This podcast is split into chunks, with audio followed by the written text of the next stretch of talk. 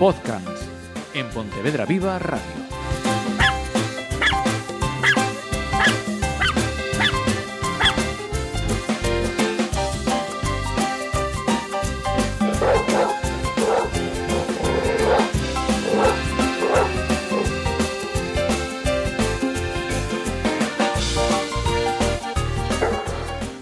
Saludos, ¿qué tal? Vamos con otra edición de podcast eh, que tengo que decir que yo, para empezar, voy a aprender la propia terminología con la que titulamos este programa.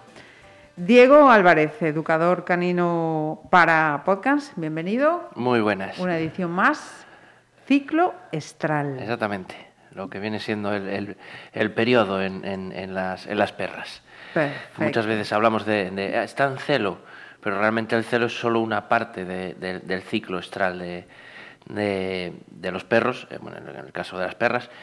Eh, eh, no sé si pasará lo mismo en las mujeres, la verdad. Ahora veremos porque tiene, digamos, cuatro, cuatro fases, pero no sé si en las mujeres será igual. Yo ahí ya, eso ya tema ya ginecólogo ya. Y nada, básicamente el, el- el ciclo estral el- lo que viene siendo es el, el inicio de, de la, de la ovulación. Eh, para perros que nunca lo han tenido, pues es su primera vez. Para los que no, ya veremos ahora, pues se da pues, por lo general dos veces al año, más o menos, cada seis meses. Esto implica cambios hormonales, lo que da lugar, lógicamente, a cambios tanto conductuales como, físicos, como veremos ahora. Y lo que comentaba, eh, ¿cuándo se da el primer ciclo en, en- en las perras? Pues es variable, varía fundamentalmente mm, eh, por el tamaño. Eh, suele ser entre los 6 y 8 meses, aunque bueno, generalizando más, o con- más bien concretando más, en los perros grandes se da entre los 11 12 meses, al añito más o menos, y en los pequeños, pues eh, a los 5 meses, incluso, incluso antes. Viene durando entre dos y cuatro semanas, unos 23 días, y lo que decía, se da pues dos veces al año por lo general, cada seis meses, ¿vale? Eh, hay varios eh, síntomas que nos indican que nuestra perra está, está iniciando o están, bueno, está iniciando, está en el ciclo estral y dependiendo de- los síntomas, pues veremos que está en una fase u, otra. Eh, hay una inflamación general de los órganos sexuales, por ejemplo, la vulva en las dos primeras semanas, además tiende a, oscurecerse y se lamen, mucho más eh, la zona genital. Hay pérdidas de sangre, hay perras que lo tienen más, más espectacular, digamos, y otras que apenas pierden, y, y suele ir paralelo a la, a la inflamación esta de la vulva que comentábamos. Eh, es en, en ese momento en el que hay las feromonas, que es lo que huele, que luego andan los machos, pues como los chavalitos de 15 años en Carabás, más salidos que el pito rombotijo. Eh, viene ahí, en, en esa sangre vienen las hormonas. Hay un aumento también en el tamaño de las mamas. Eh, a nivel, digamos, conductual, a veces aumenta incluso, y otras veces a lo mejor disminuye el- la, la interacción con, con los guías. Por lo general, por, por biología pura, con los machos, evidentemente, con, con los, con los machos, con los perros, no con, los, con los humanos. La, la interacción aumenta, un sentido de, de- de persistencia de la especie, ¿no? Eh, puede en ocasiones disminuir el, el apetito eh, y suele aumentar la, la ansiedad y el nerviosismo. Yo, ya te digo, yo no, no tengo la, la regla, pero bueno, muchas de estas cosas me imagino que a vosotras os, os pasan. Comunes, Esas- com- Exactamente. Eh, dentro del, del ciclo estral hablamos de, de cuatro fases, ¿vale? Ahora, por eso entenderemos que no, no decir, decir está en celo, puede estar en, en una de estas fases, entonces no, el celo es una en Una de concreto, ellas. exactamente. Eh, la primera fase es lo que se llama el proestro, eh, que en- aunque las hembras eh, eh, tienen sangrado y huelen, en ese momento no, no, no, no están receptivas cara, cara al macho, suele durar entre 6 y, y 15 días y es cuando se está preparando el, el- el ovario para, para generar el, el óvulo.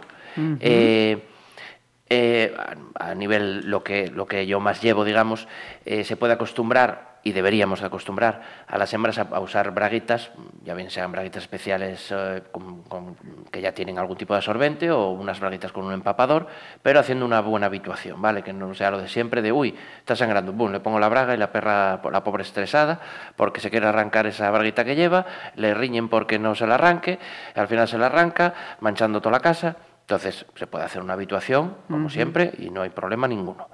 Eh, lo que comentábamos, en esta fase ya hay inflamación de la, de la vulva, hay sangrado, eh, hay un, aumento de, la micción, vean más, eh, del amido que comentábamos también, y al final de esta fase es cuando empieza a disminuir el sangrado. cuando se termina esta fase entramos en lo que se llama realmente el celo, ¿vale? A nivel, digamos, ya más culto, se llama el estro. Es el momento en el que se forma el óvulo. Es decir, es en el momento en el que, en el que la perra es, más fértil.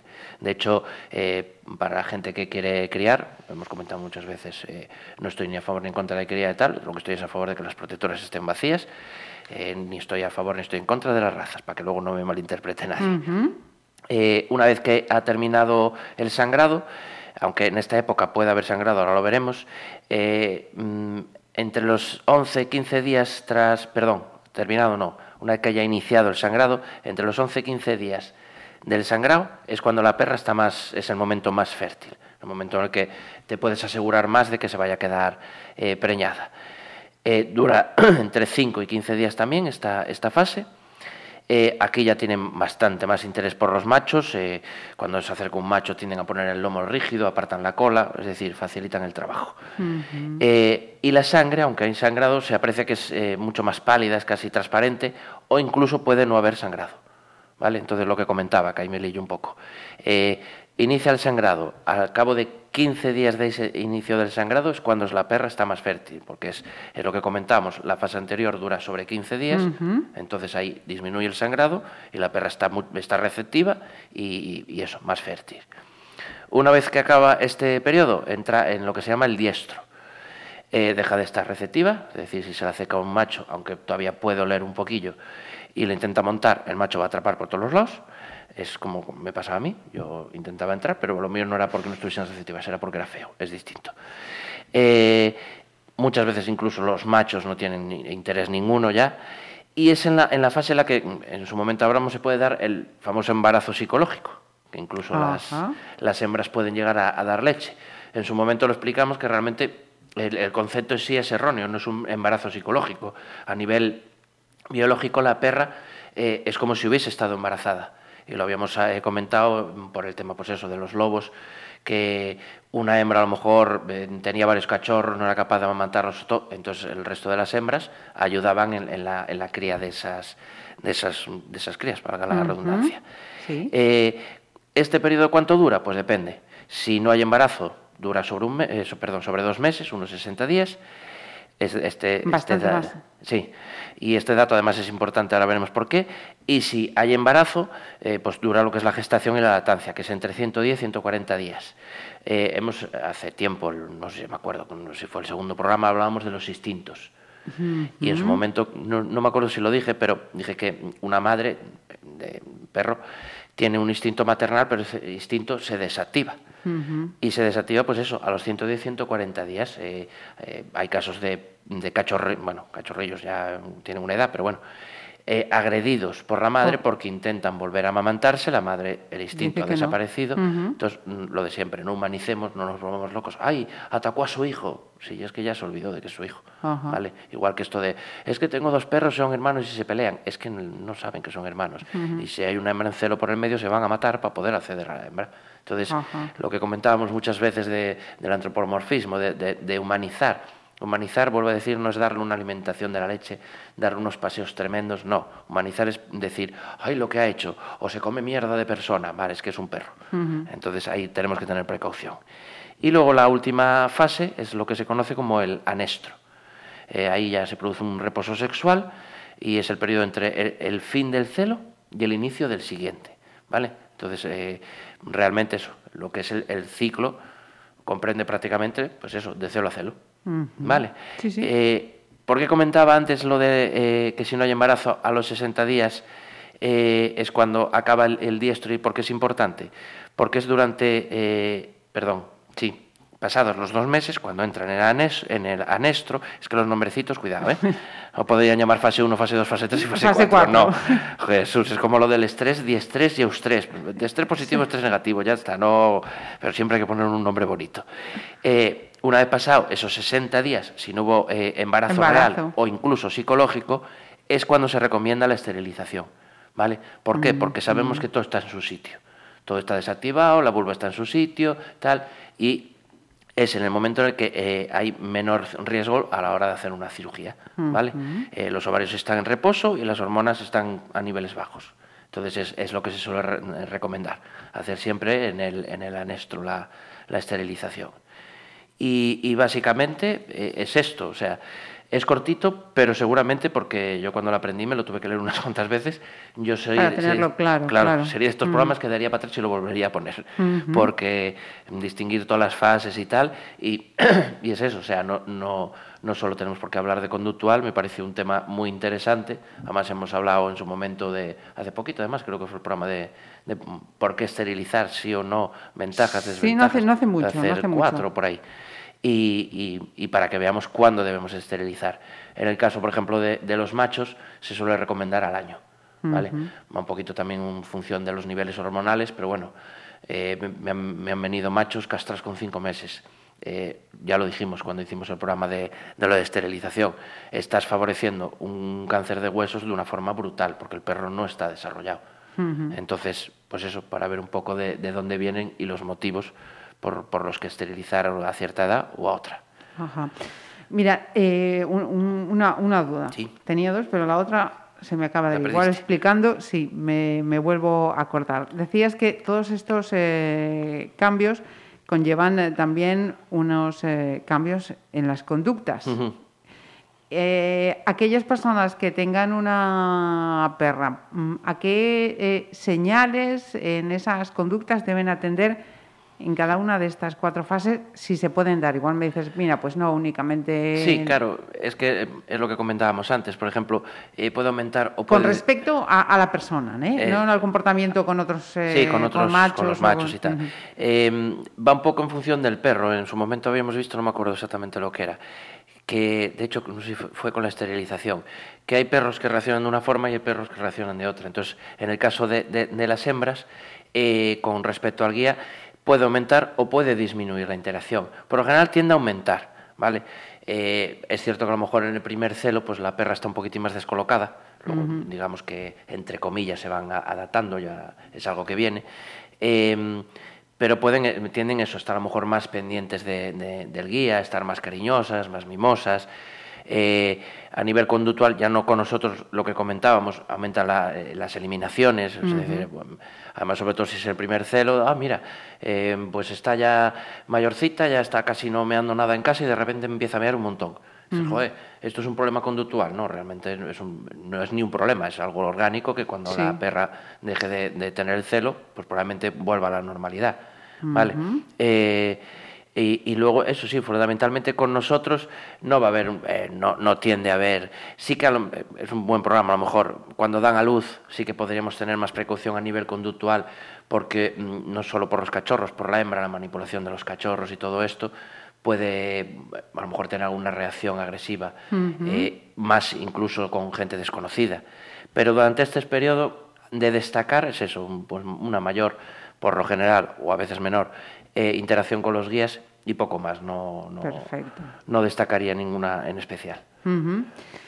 Pues vamos con los clásicos. Exactamente, con los clásicos. Lo primero de todo. Ya, tiene nombre la sección, eh, los sí, clásicos. Sí, sí, los clásicos. Esto ya vamos a hacer como, como los 40 clásicos ahora, pues nos tenemos los clásicos. Eh, lo primero, el correo, como siempre, que que me llegó el otro día, estaba en casa yo cocinando y de repente un correo, coño, un correo de podcast, qué ilusión. Una chica que además me hizo gracia porque decía, he estado escuchando el programa mientras daba un paseo y digo, es que ya el podcast ya es, es como los que escuchan de gente así famosa, digo, toma ya. que es una chica que se llama Rosario Sánchez, que nos pide que a ver si podemos hacer un Rosario programa. Rosario Sánchez. Perfecto. Un programa de Canicross y, y, o Agility. Vamos a hacer de los dos. Ahora al final del todo ya, ya explico. Pero haremos de los dos, me gusta hacer eh, bueno, de Agility en su momento ya tuvimos a Carlos. Sí, ¿no? Sí, correcto.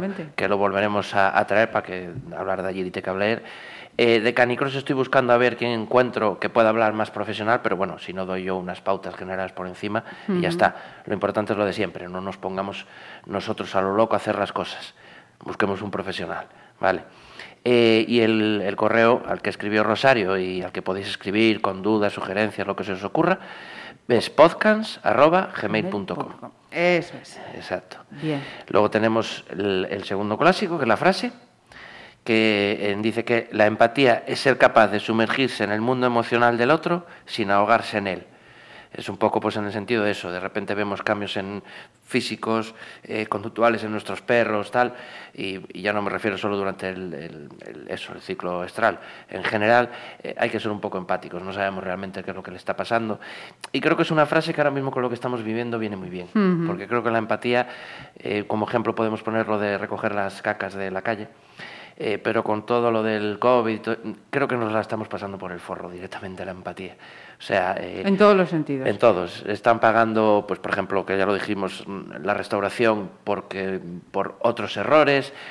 Vamos a, intentar ser empáticos eh, con todos los seres vivos en general. Yo hablo de perros, hablo de humanos porque es lo, lo, que me, lo que me concierne, pero seamos empáticos en general, que tanto se decía que después del, del, aislamiento ah, va a cambiar la forma de ser, ha cambiado pero a peor, por lo menos desde mi punto de vista. Y que la memoria también la tenemos muy, muy débil. Sí, sí, totalmente. Yo creo que al final, tanto decimos de los perros, de la memoria de seis segundos, la del ser humano por ahí debe de andar, ¿eh? no, no, no, da para más, no da para más. Luego, eh, como recomendación, eh, todo, todo seguido además, llega las navidades. ¿Vale? Ya en su momento, hoy va a ser el último, el último, la última adopción que vamos a poner. Después ya sabéis que cerramos y no ponemos nada porque lo que decimos, esto es un ser vivo, no es un juguete. Y quien dice perros dice águilas, cuando estuvieron los chicos de AECAM, eh, dice gatos, dice es un ser vivo, ¿vale? Esto no es un regalo. Yo no cojo y cojo un vientre de alquiler, lo dejo embarazado y voy a mi mujer y le digo, toma un bebé. No, pues es lo mismo, ¿vale? Es tiene que ser una decisión entre todos los miembros de la familia y sabiendo dónde te metes. Entonces, como recomendación, eh, aparte de que hasta que las prótesis estén vacías, adoptéis, que ahora en Navidades pasemos las tranquilas y sobre todo viendo que también durante el confinamiento hasta se movía lo del tema de usar perros para poder salir a la calle. Entonces volvemos a la empatía otra vez. Entonces mi recomendación es esa. Y no sé si dar ya la adopción o dar primero los, lo, que comentábamos de los programas de hacer dos seguidos, lo que tú me digas. Pues comentamos primero la adopción. Vale. Pues la adopción, ay, el nombre no me acuerdo de apuntarlo, eh, me lo dijeron pero se me olvidó. Es, un, es una perrita, es una, es una hembra, eh, que más o menos sobre un, sobre un añito, está sin esterilizar, me imagino pues eso, eh, lo que acabamos de comentar, la perrita es como una especie de cruce de podenco, pues no le habrá venido el celo, o si le vino, estarán esperando para esterilizar en su momento, correcto. Se lleva bien con perros y con humanos. Está sin testar con gatos. Eh, esperamos que si lo testan todo vaya bien, sobre todo por el gato. Y es de la asociación que ya, ya hemos tenido más perrines aquí. De hecho, el último que, que tuvimos, que a veces me lo preguntas tú antes del programa, que fue un podenquito, está dotado. O sea, ah, mira tú Qué, qué, noticia buena. ¿El del programa anterior? No sé si fue el del anterior o, el, o hace dos. Es que no sé, el anterior no me acuerdo si fue de creo... Cadeliños. No, era de Vigo. Era de Vigo. Entonces fue, sí, fue de Tú eres nuestra ayuda. Eso es. Entonces creo que fue el anterior, no sé si fue de del Arca de Noya. Uno chiquitín. Eh, pues creo vale, que es que la, anterior eh, era un perro que yo te pregunté, ¿será un pastor alemán o pues puede ser. Vale, entonces estamos hablando del anterior. Sí, que sí, que era un podenquito, exactamente, sí, vale, justo. Perfecto. Pues está, está dotado. Genial. No sé si a través de, de podcast o no, pero mientras está dotado, felices nos quedamos todos, no hay problema ninguno. Y nada, pondremos siempre lo de siempre, los datos de, de contacto y toda la historia para que, para que después de las Navidades adoptéis un perro. Perfecto. Así de fácil. Perfecto. Y luego lo que comentábamos, que lo hablábamos antes del programa, como que no se van a perder programas, lo vamos a intentar. Eh, temática, lo que comentábamos, uno probablemente de Agility o Canicross, ya veremos, y el otro ese que habíamos sacado la idea de cuando hablamos de lo de Laika, eh, de hacer un programa de, música de, dedicada a, los perros eh, o a cualquier tipo de animal. animales. sí, de hecho, a mí la primera que me viene siempre en esta situación es, es Dilaila, que compuso ah. Freddie Mercury para una gatita suya. Mm, cualquier animal que, salga, me da igual, un perro, un gato, una lagartija. Entonces haremos un, un programilla. Oye, pues además eh, queda genial para esas fechas. Pues sí, yo creo que sí. Para Navidades queda muy bonito. Mira, incluso Rosario cuando salga a pasear va a ir acompañada de música. De música, esto es un pa completo, es, es un lujo. Sí, señor. Pues Diego Álvarez, muchísimas gracias. Una semana más, un podcast más, un programa más, como queráis eh, llamarlo. Y, esperamos eh, que sigáis eh, pendientes de podcast, lo cual también agradecimientos por mi parte. Hasta el próximo. Muchas gracias.